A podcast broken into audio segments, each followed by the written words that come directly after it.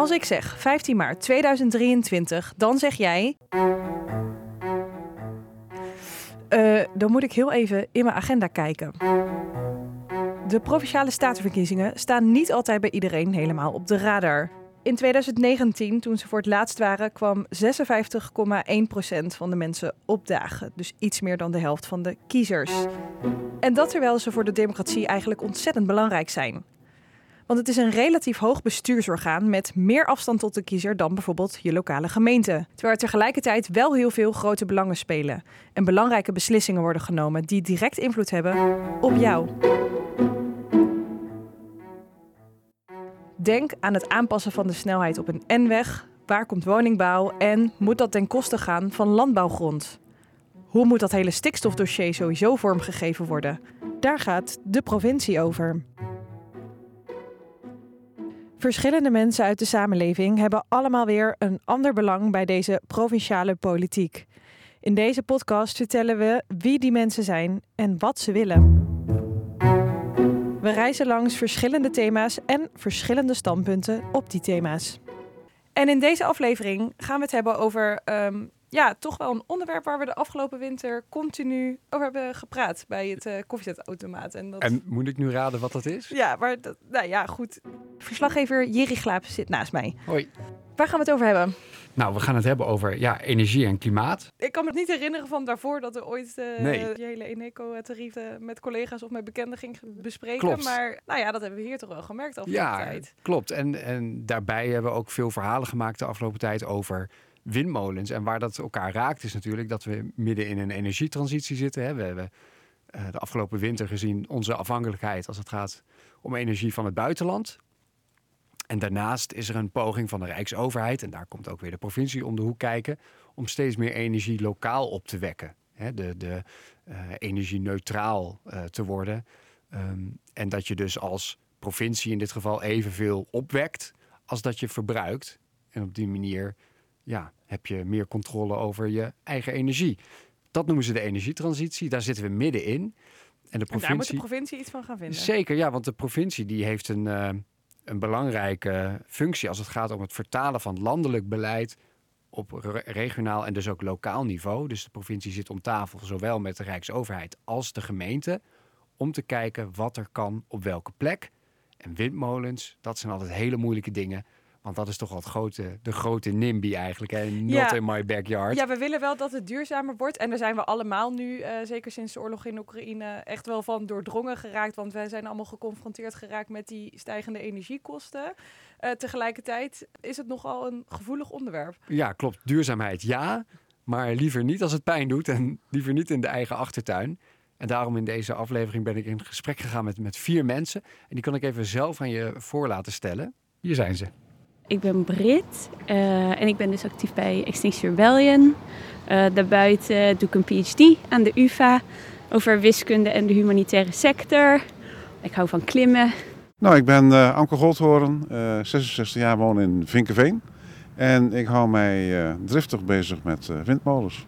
Ik ben Sander van het Voort. Ik ben bijna 35 jaar oud. Ik was hiervoor wethouder in Renswoude en ook voorzitter van de regionale energiestrategie in de regio Food Valley. Ik ben Floris Beenakker, voorzitter van de JOVD Utrecht. Die vertegenwoordigt eigenlijk uh, de JOVD Utrecht op politiek vlak. Um, zorgt dat de vereniging alles goed en soepel loopt. Nou ja, deze vier mensen zullen ja, eigenlijk hun visie op wat provinciaal beleid zou moeten zijn... zullen zij in het komende half uur, dus ga er even lekker voor zitten. Ga even lekker strijken. Uh, of iets anders uh, doen in het huishouden misschien. Of een rondje lopen. zullen ze met je delen en ja, ik hoop dat het nee, iets meer inzichtelijk maakt wat, wat die provincie doet, maar ook wat de wens is um, dat die provincie zou moeten doen. En die meningen lopen nogal uiteen, kan ik me zo voorstellen. Ja, die lopen uiteen. We gaan van de klimaatactivist naar uh, anderen die de barricade opgaan. En ook ja, verschil, een andere manier van denken, vooral in de liberale hoek. We gaan luisteren. Het is half negen. Het is vroeg, hè? Nog een half uurtje. Heb je zenuwen ervoor? Um, een heel klein beetje. Maar ik laat het gewoon over me heen komen, want ik heb er zelf toch geen controle over. En we gaan het zien. What do we want? Climate justice! What do we want?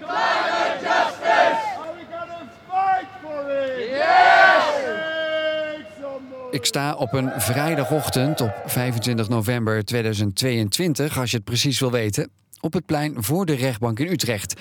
En zoals je hoort ben ik daar niet alleen. 17 verdachten en hun medestanders zijn er ook. Die zijn allemaal betrokken bij Extinction Rebellion. Dat is een bekende groep klimaatactivisten. Ik spreek met één van hen. En haar naam is Brit. Wat is er nou gebeurd dat wij hier deze ochtend voor het gerechtsgebouw staan? Nou, uh, ik was betrokken bij een actie bij de Rabobank. De Rabobank uh, is verantwoordelijk voor de stikstofcrisis, vinden wij, aangezien zij altijd investeringen in megastallen en pesticiden en dat soort dingen uh, hebben gedaan. En... Maar wat hebben jullie gedaan? we zijn aangeklaagd voor. Ik moet, ik moet nog langs de rechter. Uh, we zijn aangeklaagd voor het plakken van posters op de ramen. En, en, en ging dat om één papiertje? Uh, nee, het waren iets van duizend papiertjes. Maar er stonden dus alle namen van de ondertekenaars van onze petitie op. Dus hoe zag je, we zien, ja, het Rabo-kantoor zit, zit, hier vlak achter natuurlijk. Maar ja. hoe zag de gevel er dan uit toen jullie klaar waren? Die was gewoon geel-groen gekleurd. Met al onze postertjes. Dat vonden ze bij de Rabobank dus niet zo leuk. Kennelijk niet. Nee. is de buik voor iedereen met macht. Wat ik zie op het plein zijn twintigers die zich zorgen maken om het klimaat. En daarmee hun toekomst en de toekomst voor alle mensen op de planeet. Dat geldt ook voor Brit. Ze promoveert, dat is op zich al een pittig traject. En eigenlijk gaat al haar vrije tijd op aan het actievoeren. Domklok kijken. Om er op die manier maar voor te zorgen dat haar zorgen over de toekomst van de planeet landen bij mensen, bedrijven en overheden met macht. Op het plein staat men elkaar beteuterd aan. Hadden we één voor twaalf maar iets gedaan. De VN heeft uh, twee weken geleden eigenlijk uitgeroepen dat het niet meer haalbaar is om de uh, doelen van Parijs te halen. En wat denk jij dan als je zoiets hoort of leest? Ja, ik word daar wel echt heel verdrietig van. Hoe uitzicht dat? Uh, nou, ik kan best wel in paniek raken soms of gewoon echt heel boos raken. Nou, het zijn wel echt even momenten dat ik gewoon ontzettend overstuur ben en uh, toch echt even iemand moet bellen die mij een beetje gerust kan stellen dat het nog wel oké komt. Ook al heb ik daar niet altijd vertrouwen in. Deze klimaatactivisten volgen al het nieuws rond de opwarming van de aarde op de voet en zien ook heel veel overlap. Of het nou gaat om voedselproductie, transport of het opwekken van elektriciteit. Het kan niet gaan zoals het nu gaat. Het systeem, zoals ze dat noemen, loopt vast, vinden ze. Ik denk dat wij allemaal vinden dat de manier van denken eigenlijk een beetje anders moet. Want bijvoorbeeld, en dit is waar de provincie een grote rol in speelt, er worden nog heel veel bossen gekapt om bedrijven te laten uitbreiden. Bijvoorbeeld in Gelderland, de grootste stikstofuitstoter is een papierfabriek. En ze willen 4,5 hectare kappen voor een bos. Um, om die papierfabriek uit te breiden. Terwijl dat bos, dus allereerst die bomen, die helpen gewoon met het reduceren van CO2. Het is een enorme biodiversiteit daar. Um, dus we willen eigenlijk dat er anders gedacht wordt over onze economische prioriteiten. En als we het hebben over windmolens, hè, zijn, zijn jullie voor windmolens? Ja, ik denk wel dat dat een belangrijke stap is in de energietransitie. Ook op land? Ja, ja, het zal wel moeten. Zeg maar, ik vind het altijd een soort van. Ik begrijp dat mensen er niet op zitten te wachten. Maar we kunnen niet anders. Want de energievoorzieningen die we nu hebben, die warmen onze wereld op. Met alle gevolgen van dien. Wat verwacht je dan van mensen met macht? Ik verwacht dat mensen met macht gewoon zorgen dat we langzaam maar zeker eens wat aan het klimaat gaan doen. Liever gisteren dan vandaag. En wat bedoel jij dan concreet? Nou, ik denk dat de eerste stappen zijn om te zorgen dat de industrieën die zo ontzettend schadelijk zijn, zoals de fossiele industrie en de agro-industrie, ingekrimpt worden. En niet in geïnvesteerd worden zoals nu wordt gedaan. Of gesubsidieerd zelfs door de overheid. En ik denk ook dat het heel belangrijk is dat de overheid gewoon eerlijk gaat zijn over het feit dat we dingen zullen moeten inleveren. Zoals twee keer per jaar met het vliegtuig op vakantie. Ik denk dat dat gewoon echt niet meer haalbaar is. En dan komt aan ons gesprek een einde. De rechtbank, mag wel staan alsjeblieft. Heeft het nou echt zover moeten komen? Hadden jullie niet gewoon kunnen zeggen, joh Rabobank, we ruimen het ook weer op? Nou, dat hebben we zelfs gezegd, maar we zaten toen 20 uur vast in de cel en hebben ze het zelf gedaan. Dus dat, ja, dat hebben ze zichzelf aangedaan. Welkom allemaal. Um, we gaan beginnen. En we moeten naar binnen. De zaak start tegen Brit en de andere 16 verdachten. Vanuit hun activisme komen ze op voor een schonere wereld. Een strafblad staat nu op het spel.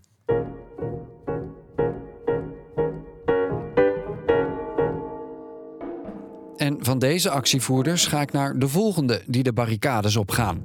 In onze provincie zijn er zeker elf van. Verenigingen en comité's die de komst van windturbines willen tegenhouden. We zijn nu eh, op een ja, toch wel bekende plek hè, in de provincie, de linielanding. Hè? Ja, die is heel bekend. Als je alle kanten op kijkt, je- waar je ook kijkt, dan zie je windmolens. We hebben alleen een, een hele slechte dag eigenlijk uitgekozen. Hè? Het is dikke, dikke, dikke... Eh, mist. Die lachende man is Ankel Goldhoorn. En hij is een van de leidende personen binnen de anti-windmolen-initiatieven die er zijn. Ze zijn zich ook de afgelopen jaren steeds meer gaan roeren. Omdat er fors meer windmolens bij moeten komen in Utrecht. Dat heeft het college van gedeputeerde staten vorig jaar meerdere keren laten weten. Minstens 60. En nu hebben we er in totaal 16 binnen de grenzen. Daarmee ook de minste van heel Nederland. Laat, ik zo stellen. Vroeger had je allerlei eh, mensen die hadden, eh, hingen religie- religies aan. Dat is een heel stuk minder geworden. Maar nu zijn er ook mensen die heilig geloven bijvoorbeeld in windmolens. Nee, je moet in totale oplossingen moet je gaan denken. En dan maakt het niet uit of het nou een windmolen op zee is. Een windmolen op zee heeft ook, biedt ook schade, ja, maar niet aan mensen. Wij moeten voorkomen dat, men, dat wij over 30 jaar spijt hebben dat wij een beslissing hebben genomen dat wij windmolens hebben neergezet. Met Anko Goldhoorn sta ik dus op een plek die omringd is door windmolens. Het mist, dus we zien ze niet. We horen ze ook niet. Dat zegt niet per se alles, want ook een snelweg loopt langs de plek waar we staan en maskeert mogelijk een hoop ander geluid. Wat denkt u nou als u een windmolen ziet? Heeft u daar dan andere gedachten bij dan iemand die er minder mee bezig is? Nou, ik, eh, ik heb eh, wat onderzoek gedaan samen met een aantal andere mensen. En eh, wij zijn geweest in Zuid-Holland bij het Spui. Daar hebben wij een aantal omwonenden, ja omwonenden, die woonden op 600 meter. Eh, die hebben gesproken een echtpaar. En het ene, het ene deel van het echtpaar, de man zegt van eh, niks aan de hand. Ik zie hem niet, ik hoor hem niet, ik merk hem niet. Maar zijn vrouw slaapt niet meer, heeft hartklachten gekregen. En dat komt door de ultra eh, lage frequentie van, van molens. Die, die... Het geluid bedoelt u? Nou, dat is Of een trilling? een soort trilling. Ja, Maar is die trilling dan ook toe te wijzen aan zo'n windmolen? ja die is toe te wijzen aan die windmolen. Want e- even het voorbeeld van die vrouw weer. Die had nergens last van totdat die windmolens begonnen te draaien. En eh, het is duidelijk aantoonbaar voor haar, maar ook voor haar huisarts, van dat het van die molen komt. Eh, is het wetenschappelijk aangetoond door allerlei andere mensen? Eh, dat is nog maar de vraag of dat inderdaad bij haar inderdaad het geval is. Maar wel aantoonbaar is, en dat heeft de Wereldgezondheidsorganisatie aangetoond, dat 1 op de 12 mensen er inderdaad last van heeft. In meer of mindere mate. Het gezondheidsaspect is voor Anko belangrijk. Maar er zijn ook groepen die argumenten gebruiken zoals horizonvervuiling. Al enige jaren gaan er dan ook gefotoshopte plaatjes rond van windmolens op plekken in de provincie. Ga bij jezelf na of, eh, of bepaalde onderwerpen spelen als het niet direct jou raakt. Hoe kun je dan eh, mensen wel bewust laten worden dat het hen wel gaat raken? Door, ja, eh, dus met name in dit gebied is, er- is, er, is er een actiegroep die overal windmolens eh, intekent. Ja. Maar het heeft wel de discussie over windmolens aangewakkerd. En dat is niet verkeerd. Maar van die plaatjes wordt ook gezegd van ja, dat klopt helemaal niet. Nee, nee, maar die plaatjes die zullen ook wel niet kloppen. Maar het geeft wel de bewustwording weer voor... Maar mensen reageren natuurlijk wel op die plaatjes. Ja, ik ben blij dat ze reageren. Dus dat ze niet helemaal kloppen is dan niet zo erg. Nee, maar eh, eh, dat er gezegd wordt van wij moeten windmolens hebben, klopt ook niet. Maar ik ben blij dat mensen nadenken over windmolens. Moet het nou wel of moet het nou niet? Ja? Of ze nou getriggerd worden door een verkeerd plaatje. Of ze worden getriggerd door een buurvrouw die last heeft van lage frequentie. Maakt mij niet zoveel uit.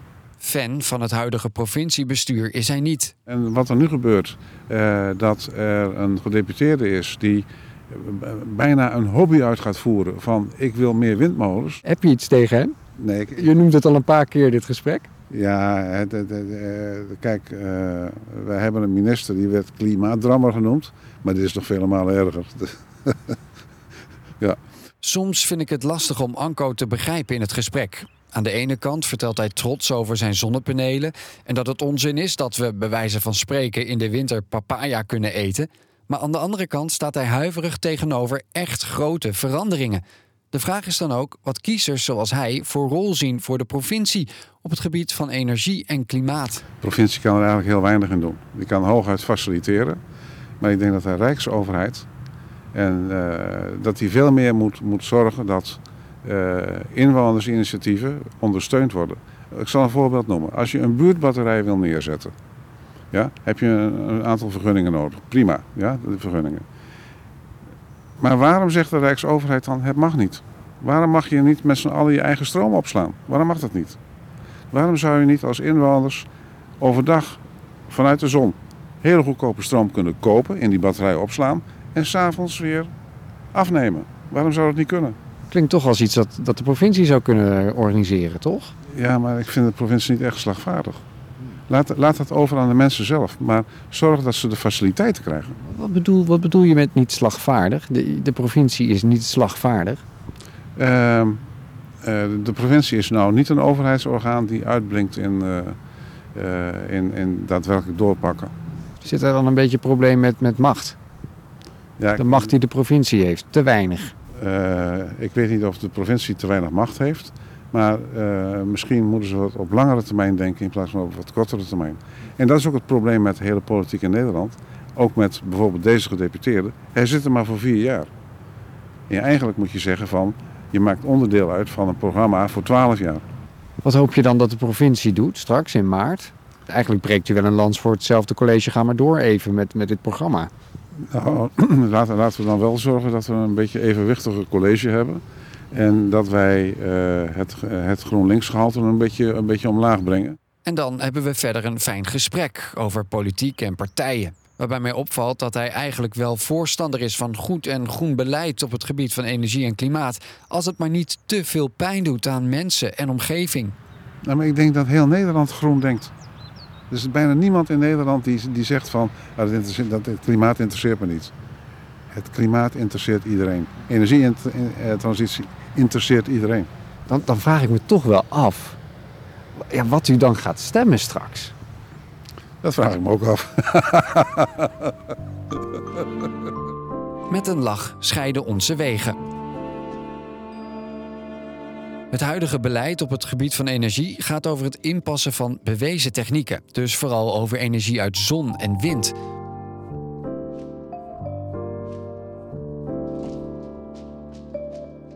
Op die manier moet een groot deel van de energievoorziening in 2030 draaien.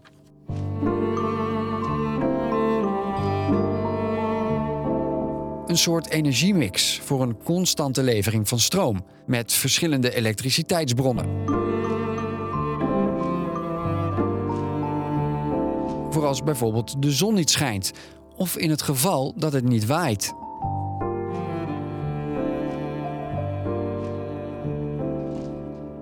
Wanneer het aan is en wanneer uit. Zo, mag je eerst even 1, 2, 3 even wat zeggen? 1, 2, 3. 1, 2, 3. Ja, mooi. Ik ga op bezoek bij Sander van het Voort, de voormalig wethouder van Renswoude.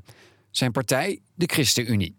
Van het Voort was wethouder tot juli 2021. Mijn portefeuille was wonen, uh, nou ja, dat, ruimtelijke ordening en duurzaamheid was het. Er viel wonen onder andere onder, maar ook de energietransitie. Um, uh, ja, en allerlei ruimtelijke ordeningsvraagstukken eigenlijk. Ja, en, en had, had die gemeente toen bestuurlijk al ervaring met energie en klimaat? Nee, helemaal niet. Dus dat heb jij op moeten starten daar? ja, ik begon met niks. Letterlijk met niks. Je dus, lacht erom? Ja, ja, ja, ja, het is wel bijzonder natuurlijk. Het is zo'n belangrijk thema. Dus jullie gingen van zeg maar nul naar... Nou ja, kijk, dat was afhankelijk van wat we bereikt zouden hebben.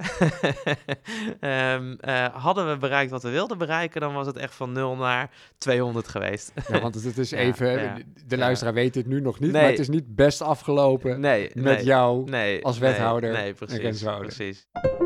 Misschien vraag je je af, wat hebben gemeente en provincie nou met elkaar te maken als het gaat om energie? Ik dacht van, nou ja, weet je, we zijn een kleine gemeente. We hebben heel veel buitengebied. Nou veel, want de provincie coördineert de zogenoemde regionale energiestrategie, de RES. jij wilde windmolens. Ja, Plannen voor wind- en zonne-energie worden op gemeentelijk niveau ontwikkeld voor meer draagvlak. Dat is het idee. Sander zag kansen. dan zou je daar eh, middels een energiecoöperatie bijvoorbeeld ervoor kunnen zorgen dat de revenuen terug zouden vloeien naar de samenleving. De, de, de winsten hè, eh, die je daaruit haalt. Een lokale ondernemer ziet die kansen ook. Ze willen de windmolens in eigen beheer gaan neerzetten. De gemeenteraad is voor en het lijkt de goede kant op te gaan met de planvorming. Ja, dus, dus Ja. er zijn plaatjes gemaakt. Ja. Er zijn molens ingetekend Ja. in dat gebied. Ja, En toen kwam de weerstand. toen kwam de weerstand, ja. Beg- Begrijp jij dat? Ja, ik begrijp de weerstand zeker. En ja. waar komt die ja. weerstand vandaan? Denk, denk, Ja, je hebt gewoon een, ehm, een grote windmolen in je achtertuin. Eh, en ik snap dat dat not in my backyard, hè, dat je dat liever niet wil. Dat kan ik me heel goed voorstellen. Dus ik, ik heb de initiatiefnemers, ik heb achteraf nog een biertje met ze gedronken ook. Ehm, ik heb ze dat ook nooit kwalijk genomen. Het is een goed recht ook om te protesteren en actie te voeren als ze ergens, met, als ze ergens tegen zijn. Dus daar had ik absoluut geen moeite mee. Ehm, Ehm, ja, want er gebeurden ook andere dingen. Er kwam steeds meer druk op het windplan. hoe merkte je dat? Ehm, nou, de, de gesprekken die je voert, hè? dus we hebben verschillende mensen die er niet voor waren of ah, tegen waren, hebben we ook op bezoek gehad. Nou, dat, en ook in de raadsvergadering hoor, de insprekers. Dat ging soms ook wel zover dat, ehm, dat de voorzitter moest ingrijpen. Dus van ja, dit wordt te veel op de man gespeeld. Eh, sommige mensen die bedachten bijna een complottheorie om, om mij heen als persoon. Tot aan eh, ja, wel opmerkingen van, eh, ja, er zijn mensen die echt zo ver willen gaan dat er ruiten in worden gegooid. Eh, en er zijn bij de initiatiefnemers, eh, de lokale ondernemers, zijn ook brieven naar huis gestuurd, op huisadres. Wat stond daar dan in? Nou ja, als jullie dit doorzetten, dan gaan we juridische stappen ondernemen. Een beetje dat soort type brieven. Het bleef allemaal net binnen de grenzen en soms gingen wat grenzen overheen. Dus toen het echt op de persoon werd gespeeld bij mij, dacht ik, nou terecht dat de voorzitter toen ingreep tijdens een openbare vergadering. Eh, wat ik ook te ver vond gaan, was dat eh, de raadsleden ook zo aangesproken werden van als jullie dit door gaan zetten, dan gaan we jullie ook persoonlijk aansprakelijk stellen. En ik denk, ja, dat kan niet de bedoeling zijn. De politiek is natuurlijk voor de brede belangenweging, Ja. maar is daar dan nog sprake van als dat, dat meespeelt? Bedreiging en intimidatie?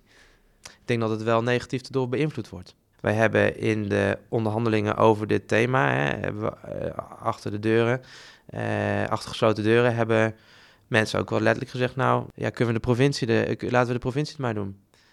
Eigenlijk van, laat de provincie het maar doen, want dan hoeven wij, ja, hier verder niet mee te dealen op lokaal niveau. Hoeven wij bij de supermarkten niet op aangesproken te worden of nou, dat soort zaken.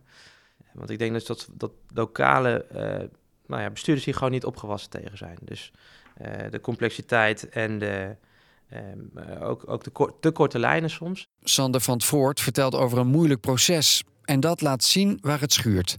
De lokale democratie staat snel onder druk als de opdracht of het vraagstuk groter en dus moeilijker wordt. Besturen, waarbij je soms ook beslissingen moet nemen die niet populair zijn, wordt dan wel erg moeilijk. Dus dan moet je als eh, overheid denk ik toch, een, toch opschalen. Een, een, een niveautje hoger gaan. Waarbij ik kan zeggen, oké, ja, wij gaan toch kijken wat is nou de beste locatie. Als dat de beste locatie is, nou, dan, dan gaan we er gewoon voor. Wat ik jou eigenlijk hoor zeggen is... energiestrategie, klimaat is te groot voor gemeenten. Ja, De provincie moet dat eigenlijk gewoon volledig gaan uitvoeren. provincie of regio. Anders zie ik het gewoon niet gebeuren. Die transitie ga je niet eh, verwezenlijken als je eh, gaat luisteren naar de wensen van elke gemeente. Ja, dus wat voor klimaatbeleid zie jij voor vanuit de provincie? Anders dan dat het misschien nu eh, tot nu toe was. Nou, wat de provincie nu ook van plan is om te doen, doorpakken. Dat zou ik ook gewoon echt doen. Anders gaat het niet gebeuren. Anders gaat het niet gebeuren. Want je, op lokaal niveau, en dat, nou ja, goed, dat heb ik nu dus van dichtbij meegemaakt, is het echt dat not in my, backyard. Hoe begrijpelijk ook, hè, want ik begrijp de argumentatie heel erg. En goh, als er een windmolen op mijn achtertuin zou staan, en eh, nou ja, als ik er niet voor gecompenseerd zou worden, dan zou ik ook niet blij mee zijn. Ehm, en dat zie je overal terugkomen. Dus overal zeg je, ook in andere gemeenten, zeg, nou weet je, plaats ze maar bij een andere gemeente. Of plaats ze maar in, in de polder, of eh, maar op zee. Of overal, eh, overal mogen ze geplaatst worden. Vaak zeggen mensen ook, ik ben niet tegen duurzaamheid, vind het heel goed. Maar niet bij mij achter. Nee, Het is toch gek hè, als we het hebben over klimaatbeleid en over eh, energie. Ja. Dat, het, dat we het dan eigenlijk nooit hebben over hè, Mhm. de aanpassingen aan infrastructuur of schoolpleinen, wat je natuurlijk ook wel ziet Ja. dat, dat de provincie doet. Ja. Daar horen we niks over. Nee. Het gaat eigenlijk altijd over zonnevelden en windmolens. Ja, ja. Dat zie ik ook als de grote stappen, eerlijk gezegd. En ehm, ja, dat, dat, is, dat is het ook. En hoe hoger, hoe meer ze opwekken, hoe, ja, hoe grotere stappen je zet. En ja, met alle respect hoor, maar een, een, een schooltje iets verduurzamen of iets, ja, dat is leuk. eh, maar dat is het dan vooral. Ja. Precies, dus dat, dat klimaatbeleid gaat in jouw ogen ook vooral over de plaatsing van zonnevelden, Zonnevelden, en windmolens. En zorgen dat steden aan de gang kan. Ja, ja, ja, ja. En voor na 2030, wie zal het zeggen, kernenergie. Maar niet meer met Van Voort als wethouder. Het Renswoudense windplan was niet bestand tegen zoveel druk. Het was eind juni 2021. Voor de raadsvergadering stonden er ook iets van 100 mensen, eh, waarvan ik maar een aantal Renswoudenaar heb kunnen tellen. Maar ehm, stonden voor het gemeentehuis, eh, actiegroep van eh, nee, dit willen we niet. Ja, ik denk die, die, die druk is, is te groot geweest. Voor? Voor de coalitiegenoten, ja. De coalitiepartijen Dorpsbelang en de VVD trekken hun steun voor het lokale windinitiatief in. Ja, ik baalde als een stekker. Vooral dat je eigenlijk drieënhalf jaar lang een richting ingaat. Waarvan je drie jaar lang in ieder geval zeker weet van... nou, dit is een richting die unaniem gedragen wordt door je raad. Ja, en vervolgens ga je toch een andere koers eh, varen. En dat, ja, dat vond ik echt teleurstellend. Sander treedt die avond af. Je had echt een, een voorbeeld kunnen zijn voor nou, heel veel andere gemeentes in Nederland. Je had wat neer kunnen zetten. En ik zie windmolens nog steeds als tijdelijke oplossing. Ehm, dan had je in ieder geval voor verduurzaming echt wat neer kunnen zetten. We zeggen van nou, ik kan het aan mijn eh, kinderen, kleinkinderen verantwoorden. Van hier hebben we ze geplaatst. En ja, weet je, misschien zien ze er niet voor iedereen eh, eh, even mooi uit. Maar we hebben het op een verantwoorde manier gedaan. En we hebben in ieder geval voor gezorgd dat we de toekomst verzekerd hebben.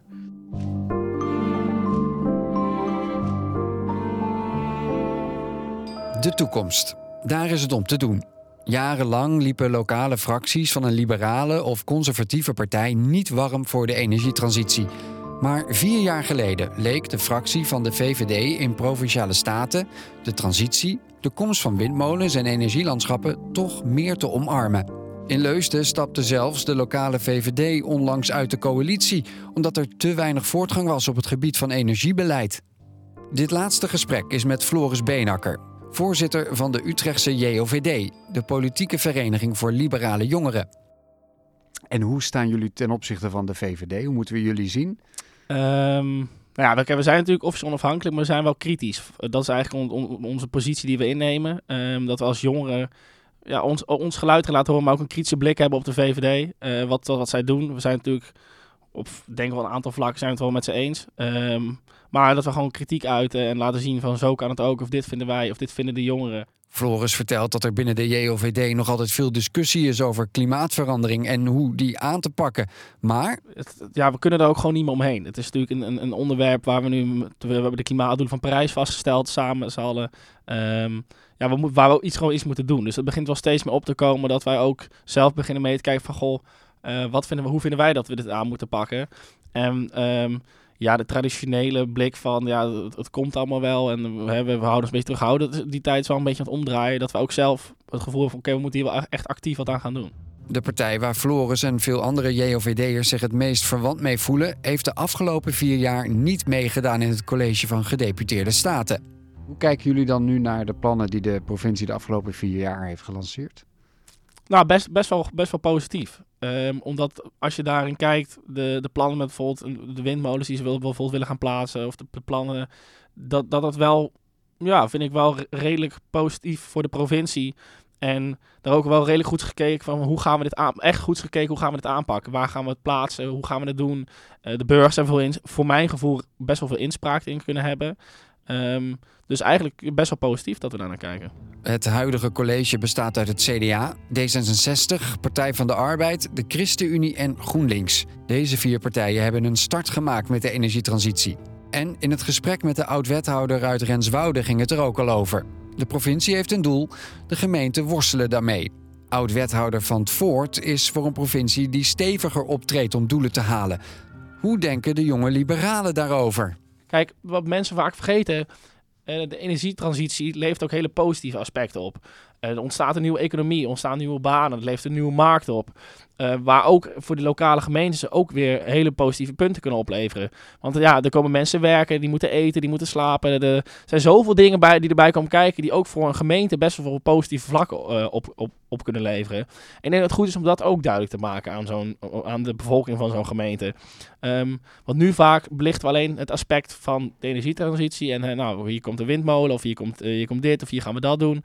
Um, en als je ook die positieve kanten belicht, dat mensen ook misschien denken: oké, het heeft ons, dat is ook wat lokale partijen vaak het probleem bij is. Die zien alleen de negatieve kant. Denken: ja, ho, mijn gemeente wordt niet benadeeld. En that's it. De jonge liberalen snappen, als geen ander zou je kunnen zeggen, allerlei bezwaren die er zijn als het gaat om energie- en klimaatbeleid. Toch is het een beleidsterrein waarop zij ook liever zien dat de politiek doorpakt, ondanks alle bezwaren van afzonderlijke gemeenten.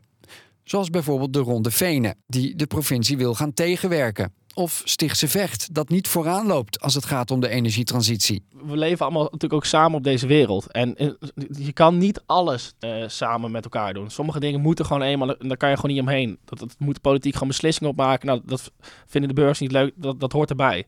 Maar ik denk dat het wel belangrijk is om gewoon die mensen zoveel mogelijk in mee te nemen. Omdat je daardoor ook ja, we zijn, we zijn met grote dingen bezig. Sta, sta jij voor een, een, een provincie die zijn hoofd laat hangen naar gemeenten?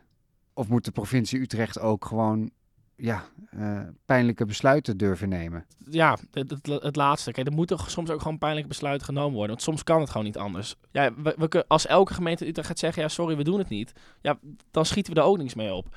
En soms moet er dan ook gewoon een besluit genomen worden, wat soms gewoon heel pijnlijk kan zijn. En waar gewoon de gemeente ja, het niet mee eens kan zijn, of de bevolking van de gemeente niet mee eens kan zijn. Maar dat moet soms ook wel gebeuren. Um, maar ik denk, ja, wat ik zeg, in de grootste gevallen hoeft zo'n pijnlijk besluit niet heel pijnlijk te zijn. Doordat je goed het gesprek aangaat, um, de mensen toch voorbereidt. Dan, dan, dan wordt het denk ik ook een veel minder pijnlijk besluit. Maar ja, in sommige gevallen kan het niet anders en dan moet het wel, moet het gewoon. Breken met conservatievere politieke invloeden. Dat zou je kunnen zeggen dat de jonge liberalen wel doen. Al blijven ze voorzichtig. Hoe zie jij die liberale stroom in de provincie straks het liefst? Als eentje die wel eens kan traineren of eentje die zegt: wij omarmen dit en wij zorgen ervoor dat al die klimaatdoelen worden gehaald? Oh, nee, Linksom dan, of rechtsom? Nee, dan, dan zeg ik wel dat we die klimaatdoelen halen. Maar ja, dan, het moet wel gewoon ook een, een beetje. Ik denk dat het ook een beetje een mix is van beide. Um, want die hak in het zand is in zekere zin op sommige vlakken ook wel goed geweest. Om bijvoorbeeld wat linkse partijen ook even naar de grond te halen van ho, wat jullie doen moet wel haalbaar zijn. Het is misschien nu even iets te. Maar in het grootste deel is het gewoon dat we gewoon die doelen moeten halen. En dat daar ook in de provincie en ook daar in de VVD, dat ik zoveel mogelijk naar kijken om daar mee te werken.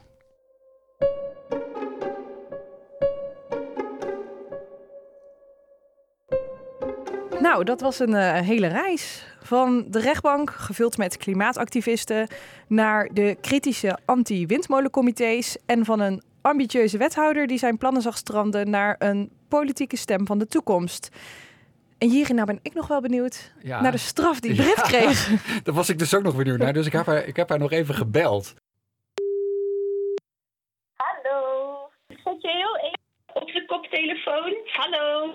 Goedenavond, dat is goed. hey, ik ben uh, heel erg benieuwd hoe het is uh, afgelopen vrijdag. Ja, snap ik. Wil je een, een spannend opbouwend verhaal of wil je meteen de uitspraak? Kom maar met de uitspraak. Nou, we zijn veroordeeld voor vernieling. Uh, maar we hebben geen strafoplegging gekregen. Dus schuldig bevonden zonder strafoplegging. En wat houdt dat dan in? Dat houdt uh, dat houdt in dat ik nu een strafblad heb uh, waar vernieling op staat. Um, maar dat ik geen boete of taakstraf of celstraf of zo uh, krijg.